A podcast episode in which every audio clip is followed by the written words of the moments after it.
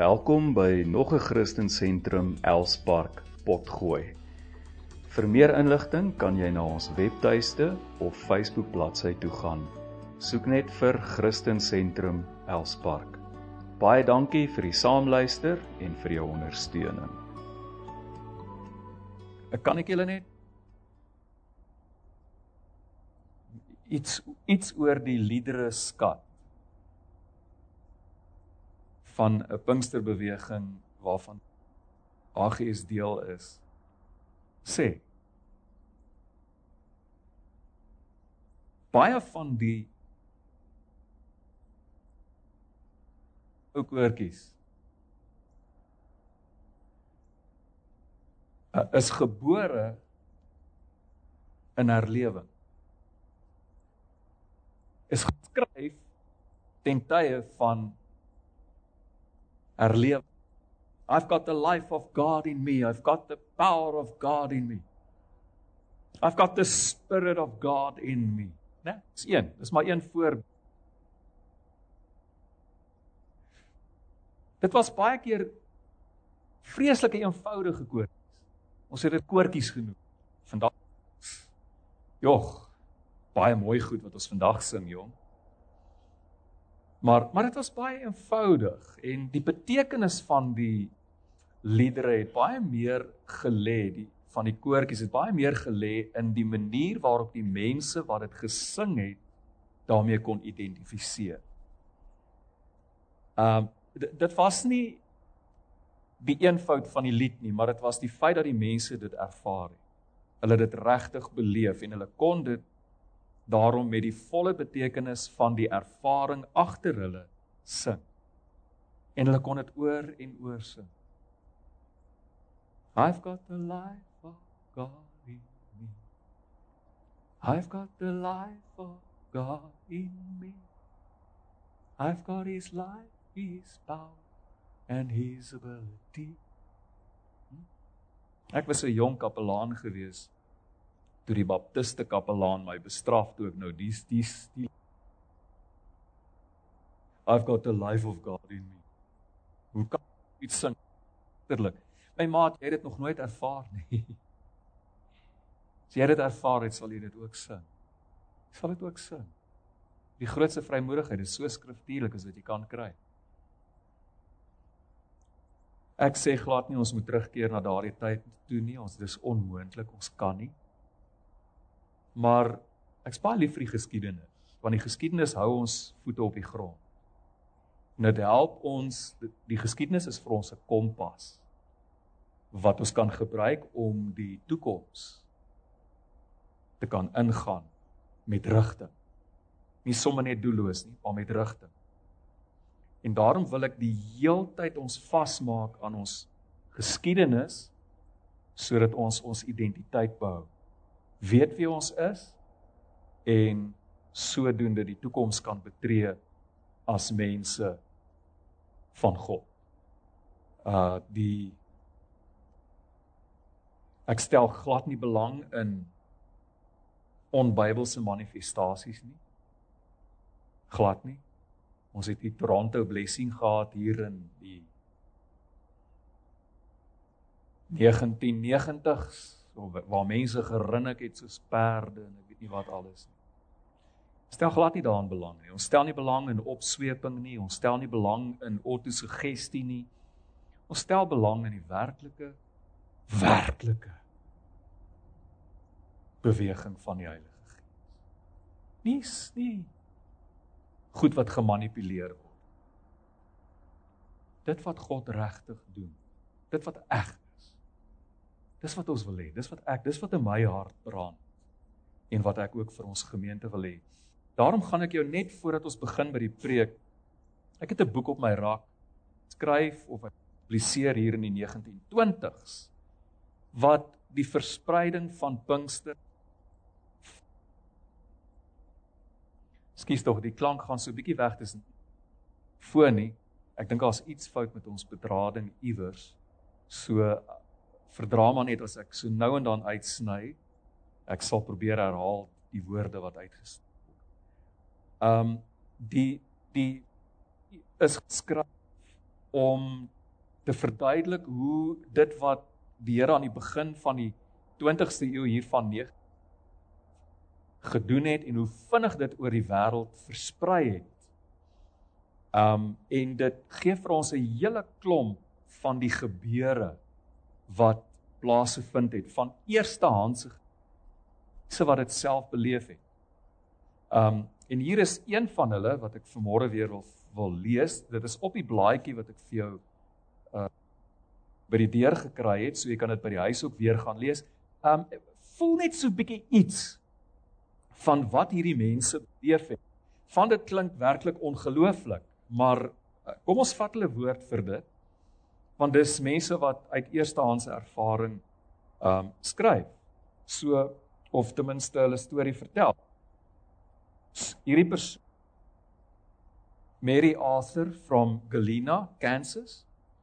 'n Verlede week het, het ek 'n storie van haar gepubliseer waar sy blind was en die Here haar genees het. En uh hierdie week vertel gaan haar storie verder. Sy sê I was healed on August 17, 1903. And joy and gladness filled my soul continually. In October of 1903 a meeting was started in our for two days. But so many came that did not have room. So, October 20, we opened the meeting in a large tent on a lot adjoining our home. The meeting continued until Thanksgiving, the Amerikaners met Thanksgiving. And after that, we secured the Grand Leader building on Main Street. This building was 50 feet by 110 feet. Nou in terme van vandag is dit relatief klein. Uh two meetings were held each day until January the 15th and all the city was moved. Sê aan en sy sê one night when we were in the tent meeting the Holy Spirit was manifested in heavenly song and the interpretation came in English. The tent was full of angels, and these were seen even by sinners. Okay. Those who stood outside the tent saw a white cloud come down and rest on the tent. Dis glad nie vreemd nie. Ons lees dit in die Ou Testament. Waar die wolk van die Here op die tabernakel neergedaal het, wit wolk. So dis glad nie vreemd nie. Dat dan gaan sy aan en sy sê two nuns, Catholic nuns from St. Louis who were visiting a friend came to the meeting and heard the anthem that the spirit gave. So hulle hulle het in die gees gesing. The nuns said it was sung in the most perfect Latin and that it was translated want as jy in tale praat moet jy dit kan uitlê veral in 'n byeenkoms né They said it was sung in the most perfect Latin and it was translated into perfect English English They said that the Catholic Church choir had tried to learn that anthem for a month but finally gave it up as too difficult Sy gaan aan en sê there was deep conviction, heart searching, great humiliation. Wrongs were righted as believers sought the baptism in the Spirit. And sometimes they received the Holy Spirit during the preaching of the word, or in their homes, or at work. En ek vestig jou aandag daarop. The Dictionary of Christianity in America says Pentecostalism is perhaps the single most significant development in 20th century Christianity. En ons kan dit vandag sê want daar is wêreldwyd iets so 600 miljoen mense. 'n Beweging wat in 1901 begin het. Dink 'n bietjie daaraan. Binne 120 jaar is daar iets soos 5 tot 600 miljoen mense wêreldwyd wat deel is van hierdie beweging. Dis ongelooflik. Dis ongelooflik. Ons het die protestante lankal verbygegaan. Dis nie die Romeinse Katolieke Kerk wat nog groter is. So ons dank die Here daarvoor. Dit sê vir ons dat die Here aan die begin van die van die 20ste eeu begin het met 'n beweging, met 'n werk. En uh, ek wil deel wees van die voortsetting van daardie. En ek hoop dat dit ook in jou hart so is. Uh vanmôre gaan ons verder en my skrifgedeelte kom uit Joël 2 vers 28 en 29. Ekskuus tog, Joël 2 vers 28 tot 31. Selfde skrifgedeelte as wat ek verlede week gelees het. Vandag praat ons oor die belofte van die Vader. Ek lees uit die 2020 vertaling. Na hierdie dinge, God wat aan die woord is, na hierdie dinge sal ek my gees uitstort op alle mense. Wow. Wow.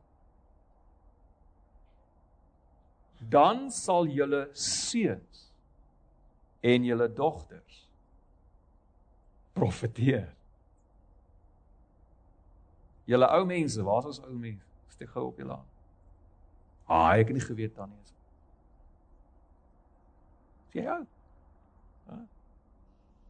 OK, julle het jy al 'n droom gehad? Van die Here. Jy sê julle ou mense sal drome droom. Julle jong mense, waar is die jong mense? Kan ek julle sien, julle hande? Kom, kom, kom. Ek is een. Jy. Daar's ook een. Het julle al visioene gehad? Hæ? Visioene. OK. Julle jong mense sal visioene sien. Hoor mooi. Selfs op die slawe en slavinne sal ek in daardie dae my gees uitstop. Wow. Ek sal tekens gee in die hemel en op die aarde, bloed en vuur en kolomme rook. Die son sal verander word in donkerte, die maan in bloed voordat die groot en verskriklike dag van die Here kom. So dis baie duidelik dat die Here dit gaan doen dat hy sy gees sal uitstort op alle mense in die laaste dae net voor die einde van die wêreld. Alraai. So neem kennis daarvan want die die twee goed loop so hand aan hand in hierdie skrifgedeelte. Die uitstorting van sy gees, die belofte van die uitstorting van sy gees en die laaste dae aan die einde van die wêreld loop hand aan hand. Ek het aanvanklik gedink net om vir jou so 'n bietjie agtergrond te gee dat Joël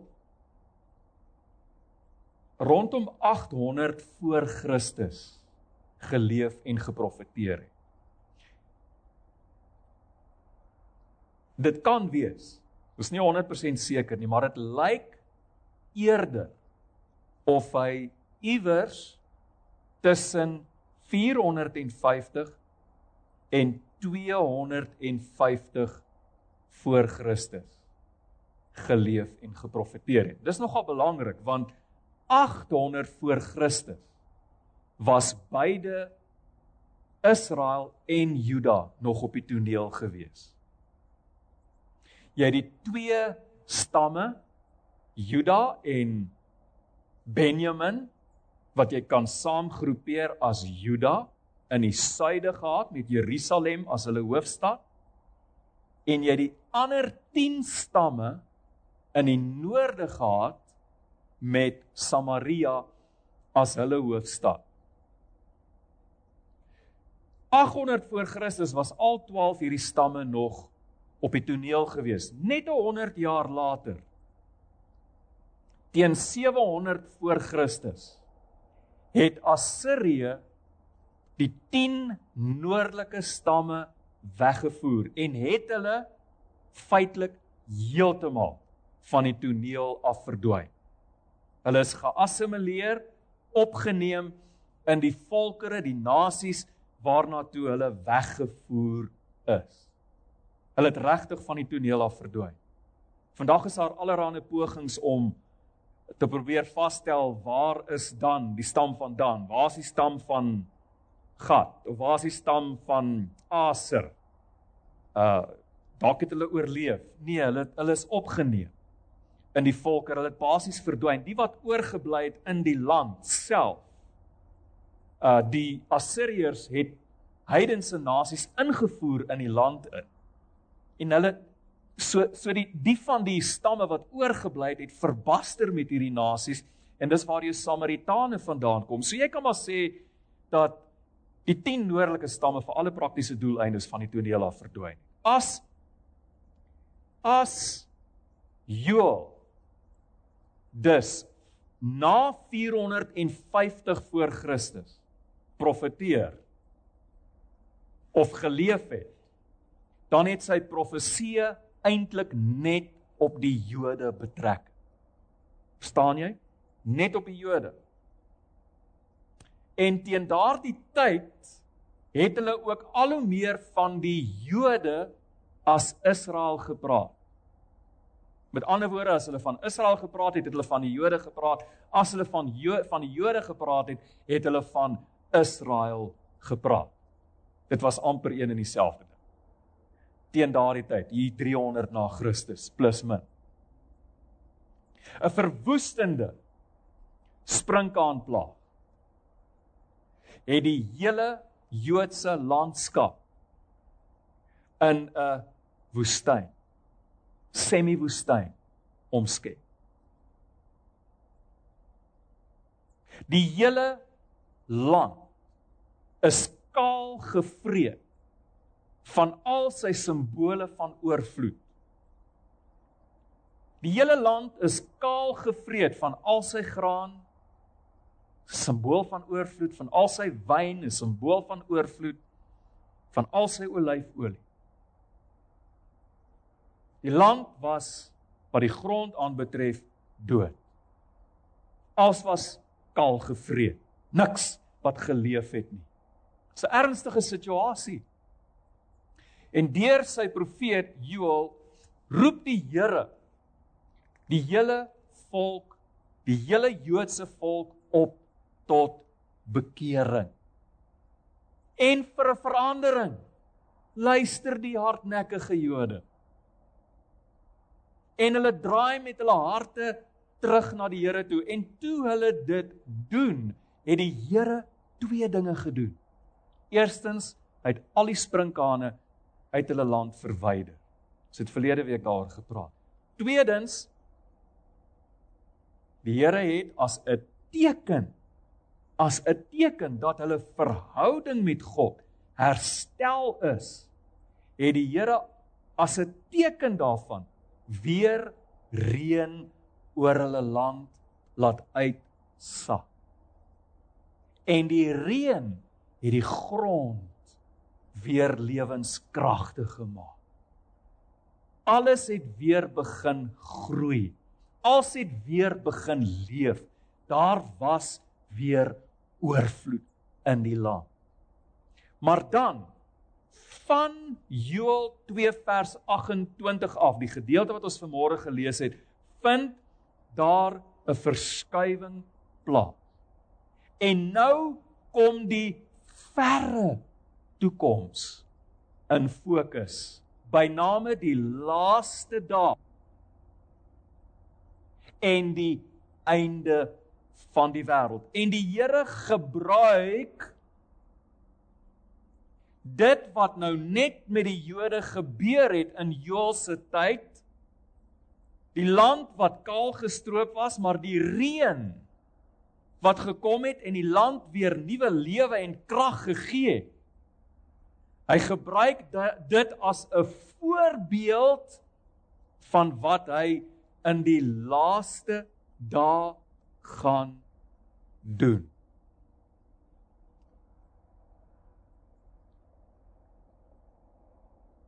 En wat sê die Here gaan hy doen?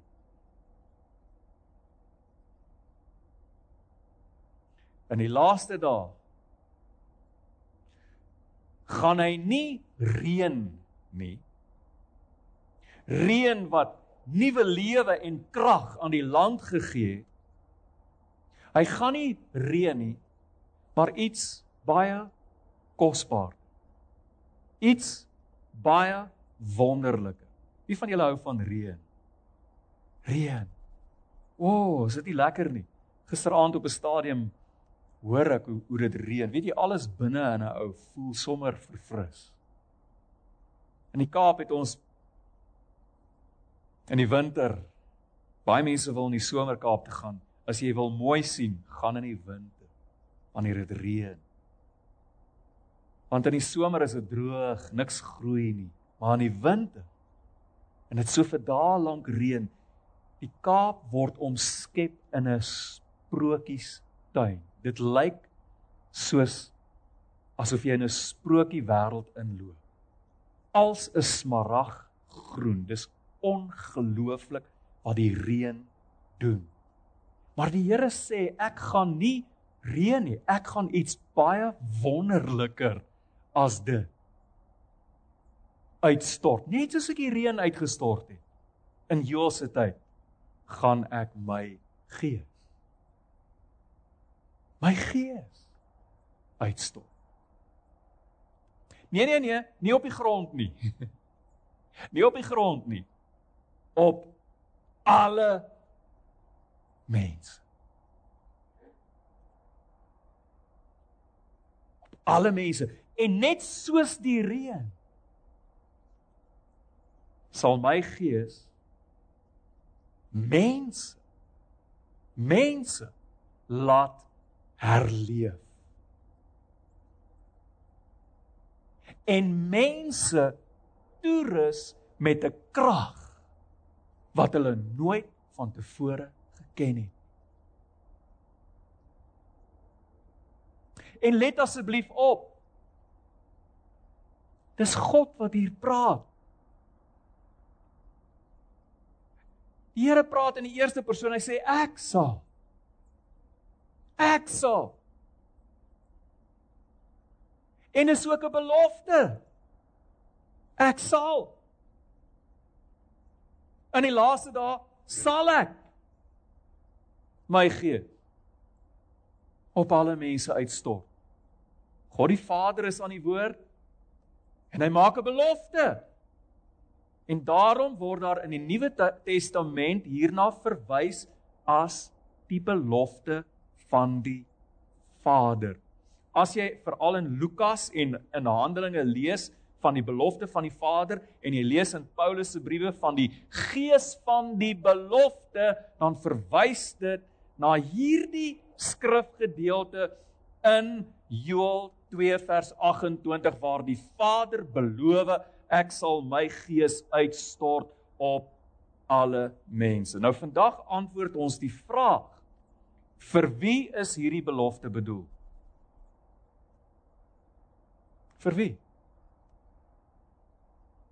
Ons skrifgedeelte sê hy sal sy gees uitstort op alle mense, maar wat beteken alle mense? Wat beteken dit?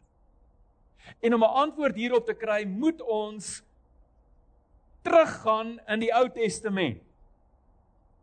Julle weet natuurlik almal dat die Heilige Gees nie afwesig is in die Ou Testament. Dat God soms by uitsondering sy gees oor enkele mense laat vaardig word het.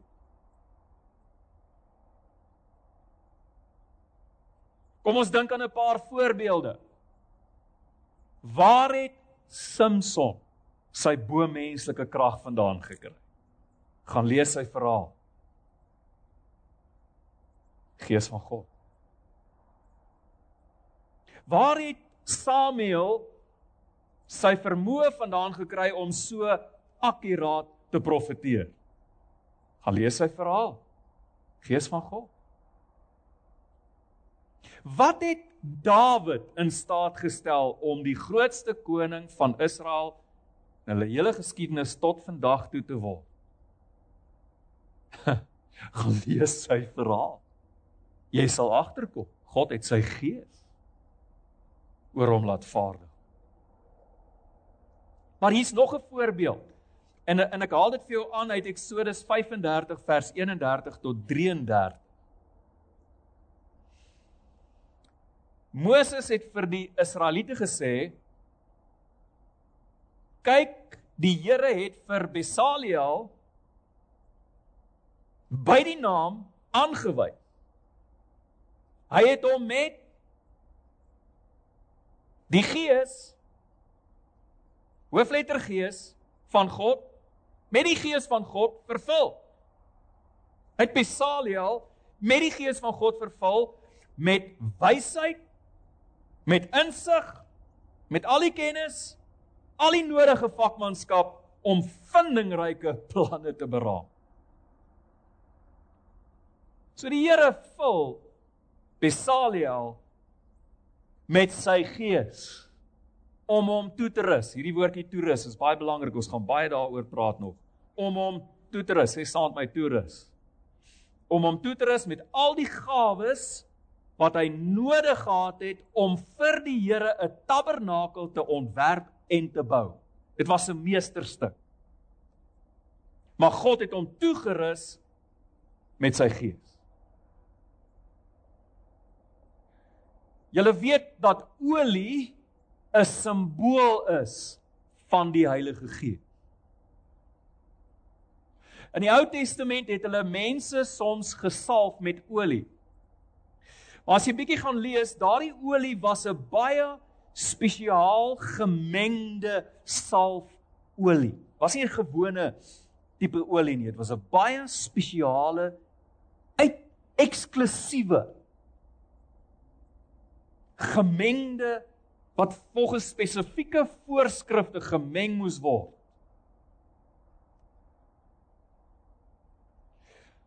En dan het hulle sekere persone gesalf as 'n teken dat die Here daardie persoon gesalf het met sy gees. sien jy? Dit is 'n simbool van die gees dat die Here daardie persoon gesalf het met sy gees om 'n spesifieke taak om 'n spesifieke taak uit te voer. Nou net om vir jou 'n idee te gee hoe eksklusief dit was. Ons lees in Eksodus 30 vers 30 tot 32. Ook Aaron en sy seuns moet jy salf en hulle heilig sodat hulle vir my as priesters kan optree. Met die Israeliete moet jy praat en vir hulle sê dit moet my gewyde salfolie wees vir al julle geslagte. En luister na die volgende woorde. Op die liggaam van wat 'n gewone mens mag dit nie uitgegiet word mag nie. So net enkele baie spesiale mense kon gesalf word met hierdie olie as 'n teken dat God hulle sal. En dit was gewoonlik die koning, die priesters, en die profete. En dalk by uitsondering 'n individu wie die Here vir 'n spesifieke taak wou gebruik. Maar dit was nie vir die gewone mense nie en dis die punt.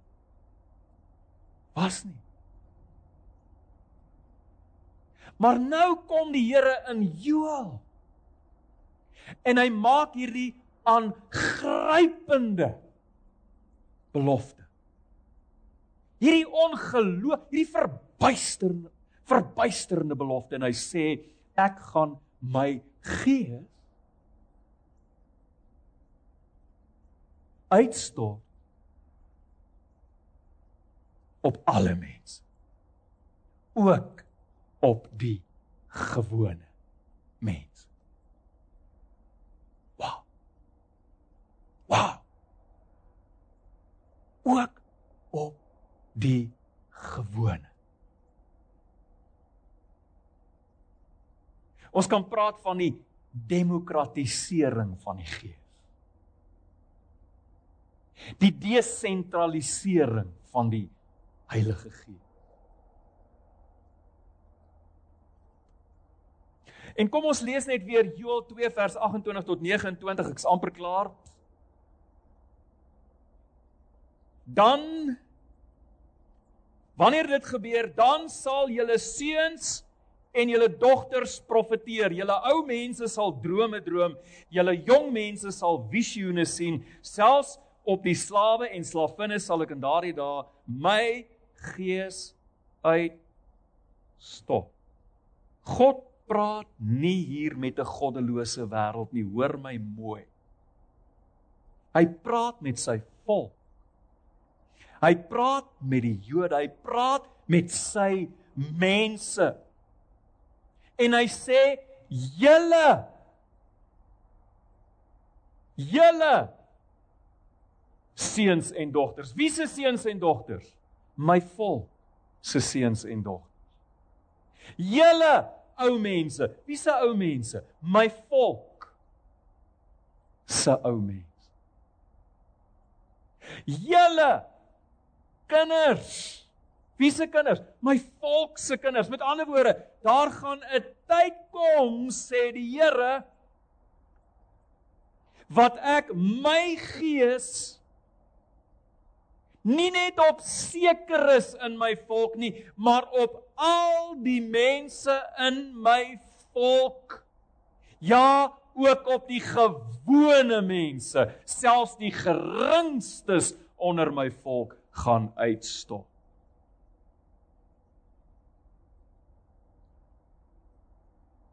Ja, selfs op julle slawe en julle slavinne. In daardie dae het die Jode slawe gehad. Meeste van hierdie slawe het uit die heidene nasies gekom.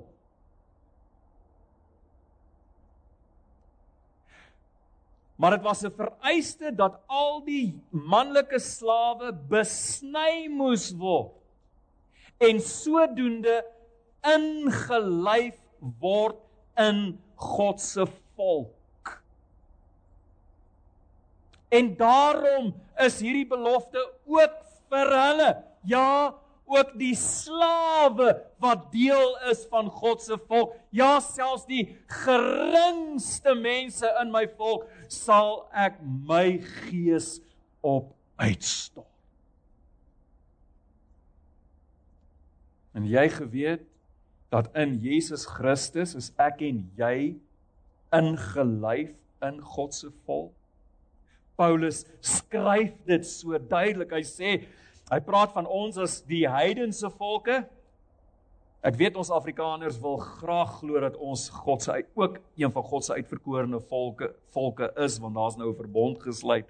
En die Amerikaners voel ook so, maar dit is nie die waarheid. Jy kan net in Christus ingelei word in God se volk. En Paulus praat baie baie duidelik daarvan. Baie duidelik. Hy sê hy praat van die wilde olyftakke, die heidene wat in Christus op die makolyfboom, God se volk, ingeënt is en deel geword het van God se volk. En daarom praat Paulus van jou en my as die ware Israel van God. Jy dit geweet? Ons is God se Israel. Ons is sy volk. En daarom is hierdie belofte vir jou en vir my bedoel. Sê 'n bietjie amen.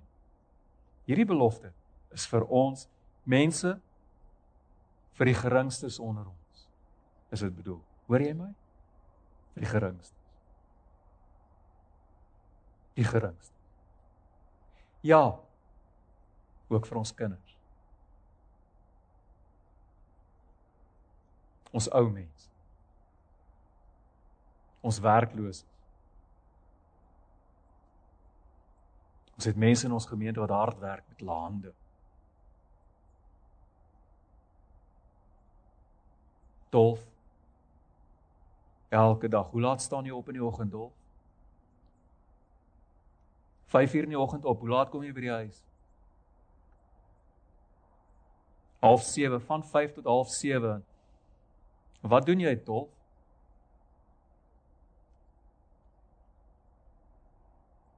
trokdrywer. Vang jy partykeer wat lemoene? Vang wat lemoene en gooi aan. Hoe voel jou hande? As jy 'n muur geslaan het, né? Mense wat hard werk. Hey. God se gees is ook vir jou bedoel. Nie net vir my nie. Pastor nie. Ons is 'n koninklike priesterdom. Hey, ons is 'n koninklike priesterdom. Want ons word gesalf deur die Gees wat van ons konings en priesters maak.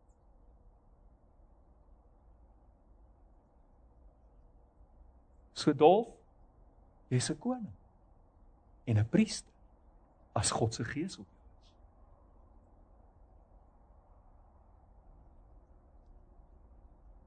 Verstaan julle? Nou wil ek jou vra en hiermee sluit ek af. As hierdie belofte vir ons almal bedoel is. Dis die mees ongelooflike belofte. As hy vir ons almal, hoekom het jy hom nog nie gevra vir dit? Hier sit mense wat nog nooit die Here gevra het. Hoekom nie? Kom het jy hom nog nooit gevra? Dat hy sy gees oor jou uitstort. Dink 'n bietjie. Dalk het jy hom al gevra en dit het nie gebeur nie. Kom het jy nie aangehou vra nie? Kom het jy nie aangehou bid nie? En weet jy wat, 'n mens bid met hierdie gesindheid, Here, U dit beloof. En U dit vir my beloof. Dis hoe ons bid. En jy hou nie op nie. Jy hou nie op totdat dit gebeur nie, want dit gaan gebeur. As ek hierdie boek waarna ek waaruit ek lees, as ek lees hoe die mense soms vir dae gebid het voordat die Here sy gees op hulle uitgestort het. Maar ons wil foefie sê en sommer vinnig vinnig vir mense hier voorbid en dan hulle moet net in tale praat. Gaan nie oor die tale nie. Gaan oor die vervulling met die Gees. Jy kan in tale praat, maar dis nie net die rook, wat van die vuur? Wat van die vuur? Dink net watter impak dit op jou lewe kan maak. As God sy gees oor jou uitstort. Dink. my hele lewe so verander. As dit nie daarvoor was nie, het ek nie vandag hier gestaan. No way.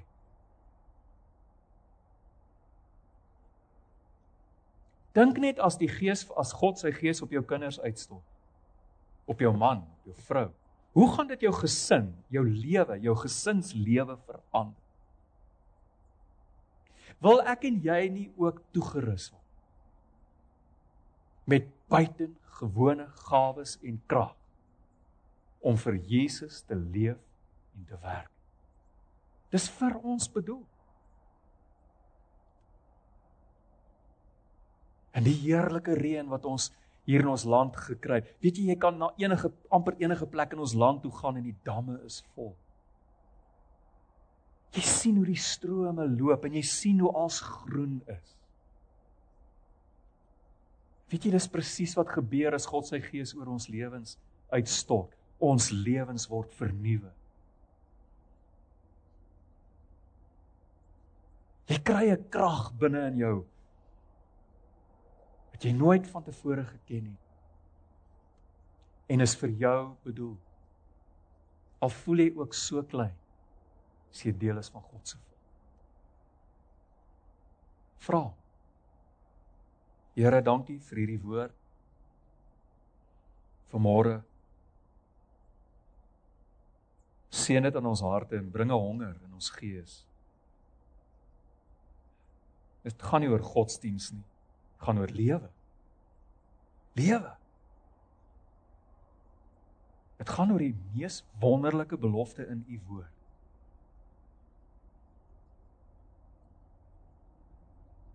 Stort dit oor ons uit. in Jesus naam.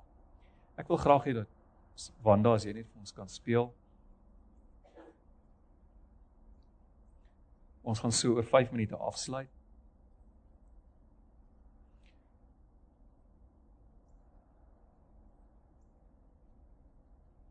Terwyl ek bid in die bidkamer, sien ek 'n klein wolkie bokant ons skerm. Klein. Dis op die oomblik is hy klein. Klein.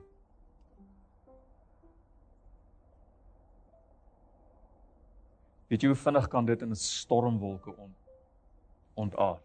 Weet jy hoe vinnig kan hierdie klein wolkie 'n groot swaar wolk vol reën word?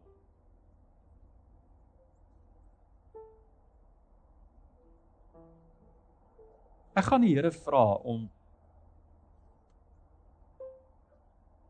mense in ons gemeente te begin opwek om te bid. Bid. En as die Here in jou hart praat en en met en dit swaar op jou lê om te bid, nie allerhande nonsens nie, net vir herlewing. Net vir God, die uitstorting van God se gees op hierdie gemeente. Net vir dit, nie vir allerhande ander twak nie. Net vir dit. As die Here dit in jou hart werk, is jy welkom om my te kontak. Ons kan selfs 'n tyd reël in die week of oor die naweek wat ons die kerk oopmaak en jy kan kom bid. Laat my weet. Hier is iemand ek het in my gees gesien 'n kind alleen. Ek ek weet nie of julle onthou hierdie goed wat jy opgeklim het, dit was van metaal gemaak met die reëlings waaraan jy kon vashou en dan het hy so kon jy nou so spin op hom. Julle ouer mense sal dit onthou. maar ek sien 'n kind alleen speel op dit. Hier's iemand wat baie eensaam groot geword het. Baie eensaam en daai eensaamheid het deel van jou menswees geword. Binne in jou loop jy rond met 'n gevoel van diep eensaam. Ek wil graag vanmôre vir jou bid. As dit jy is, kan jy voor my kom staan. Kan net jou hand opsteek. As jy eers wil. As jy eensaam groot geword, eensaam. Eensaam. En dat daardie eensaamheid, daar's 'n hand, baie dankie. En daardie eensaamheid het so deel van jou lewe geword dat jy dikwels eensaam voel. Staan nie by my. Dan die Cathy kom staan. Is daar nog iemand? Kan ook meer as een persoon wees.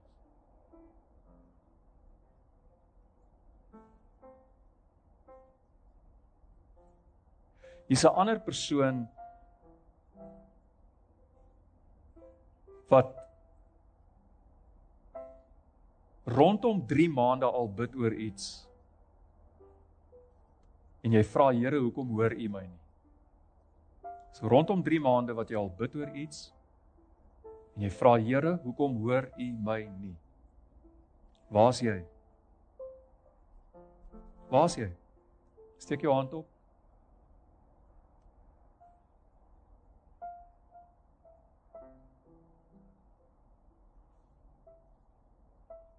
Weet jy is iemand. En nou het rondom 3 maande wat jy al bid, sê Here. Waarom hoor jy my nie? Jy jy het by 'n punt gekom waar jy sê Here, waarom hoor u my? Is daai vraag in jou hart is, waarom hoor u my nie? Verstaan nie. Verstaan nie.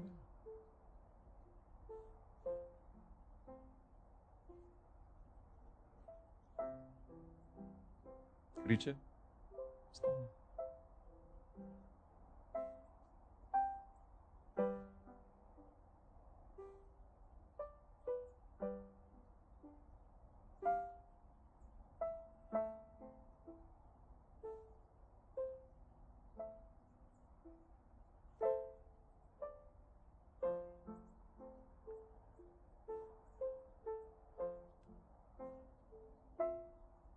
Prys die Here.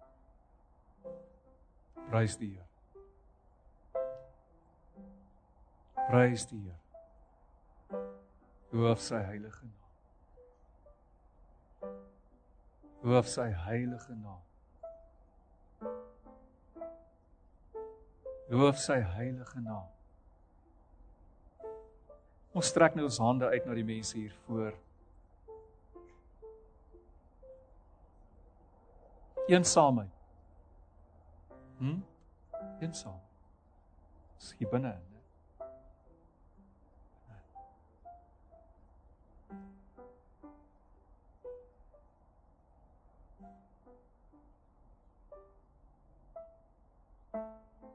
Hoekom het die Here jou gewys?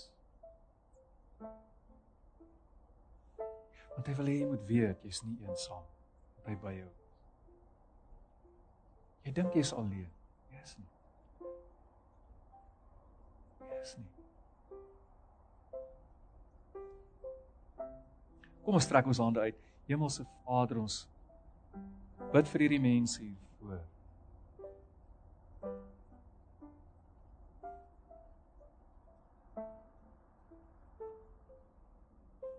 Die twee wat hier voor staan en sê, "Waarom hoor U my nie, Heer?" Ek bid, maar U hoor my nie. En U wil eintlik vandag net vir hulle sê, "Maar ek het jou gehoor." Ek het jou gehoor. Ek het jou gehoor. Kan jy wag? Ek het jou gehoor. Kan jy wag? Kan jy wag? Ek het jou gehoor. Kan jy wag?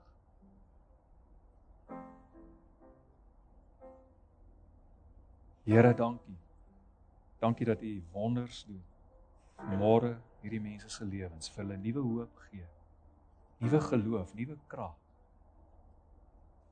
Hulle sal weet die Here God ken hulle by die naam is met hulle. Weet van elke versigtiging, elke nood. Ons dankie Here. In Jesus naam. In Jesus se wonderlike naam. Voel jy? Glo jy die Here hoor jou? Amen. Goed. Baie dankie julle kan gaan sit. Dis mense wat werkloos is, staan gou op jou voete. Of soek vir vernuwe werk. Jy soek vir nuwe werk, staan gou op jou voete.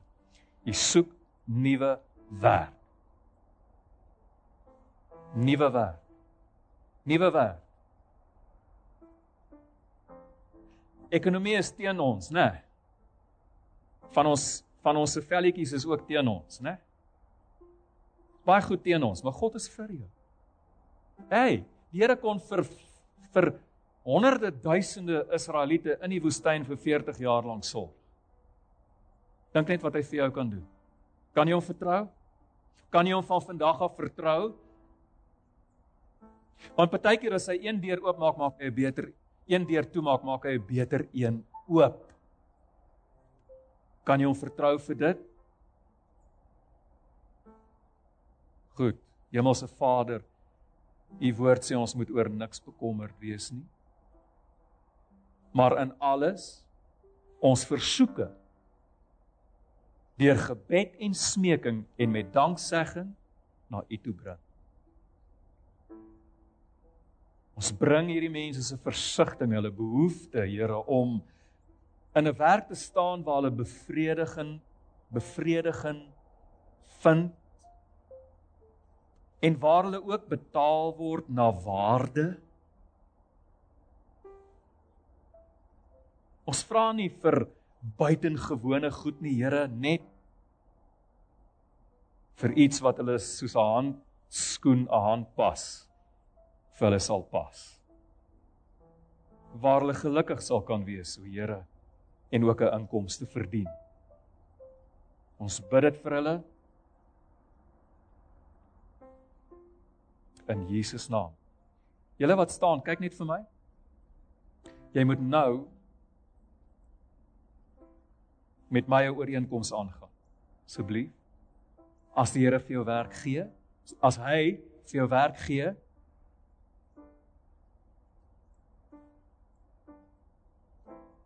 Hoe gaan jy hom eer daarvoor? Hoe gaan jy hom eer daarvoor? Hæ? Pastoor, betaal jy tiende? Gee jy tiende? Ja, ek doen. Hoe gaan jy hom eer daarvoor?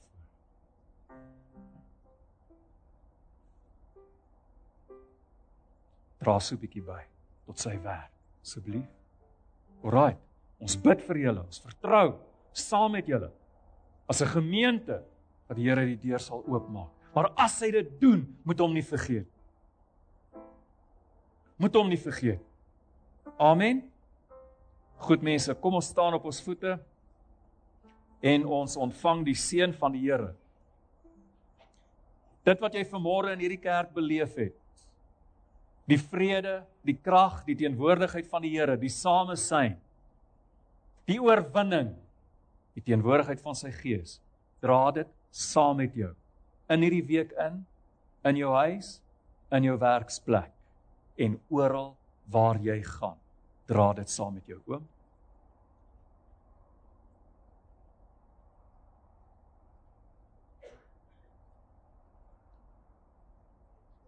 Praat net daaroor.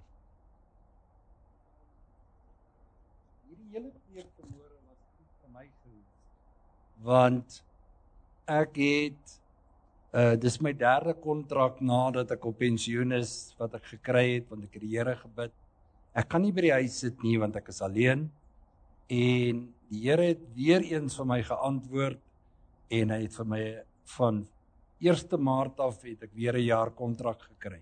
So wat ek wil sê is ons moenie ophou bid nie. Ons moet aanhou glo want die Here vir hom is alles moontlik. Baie dankie.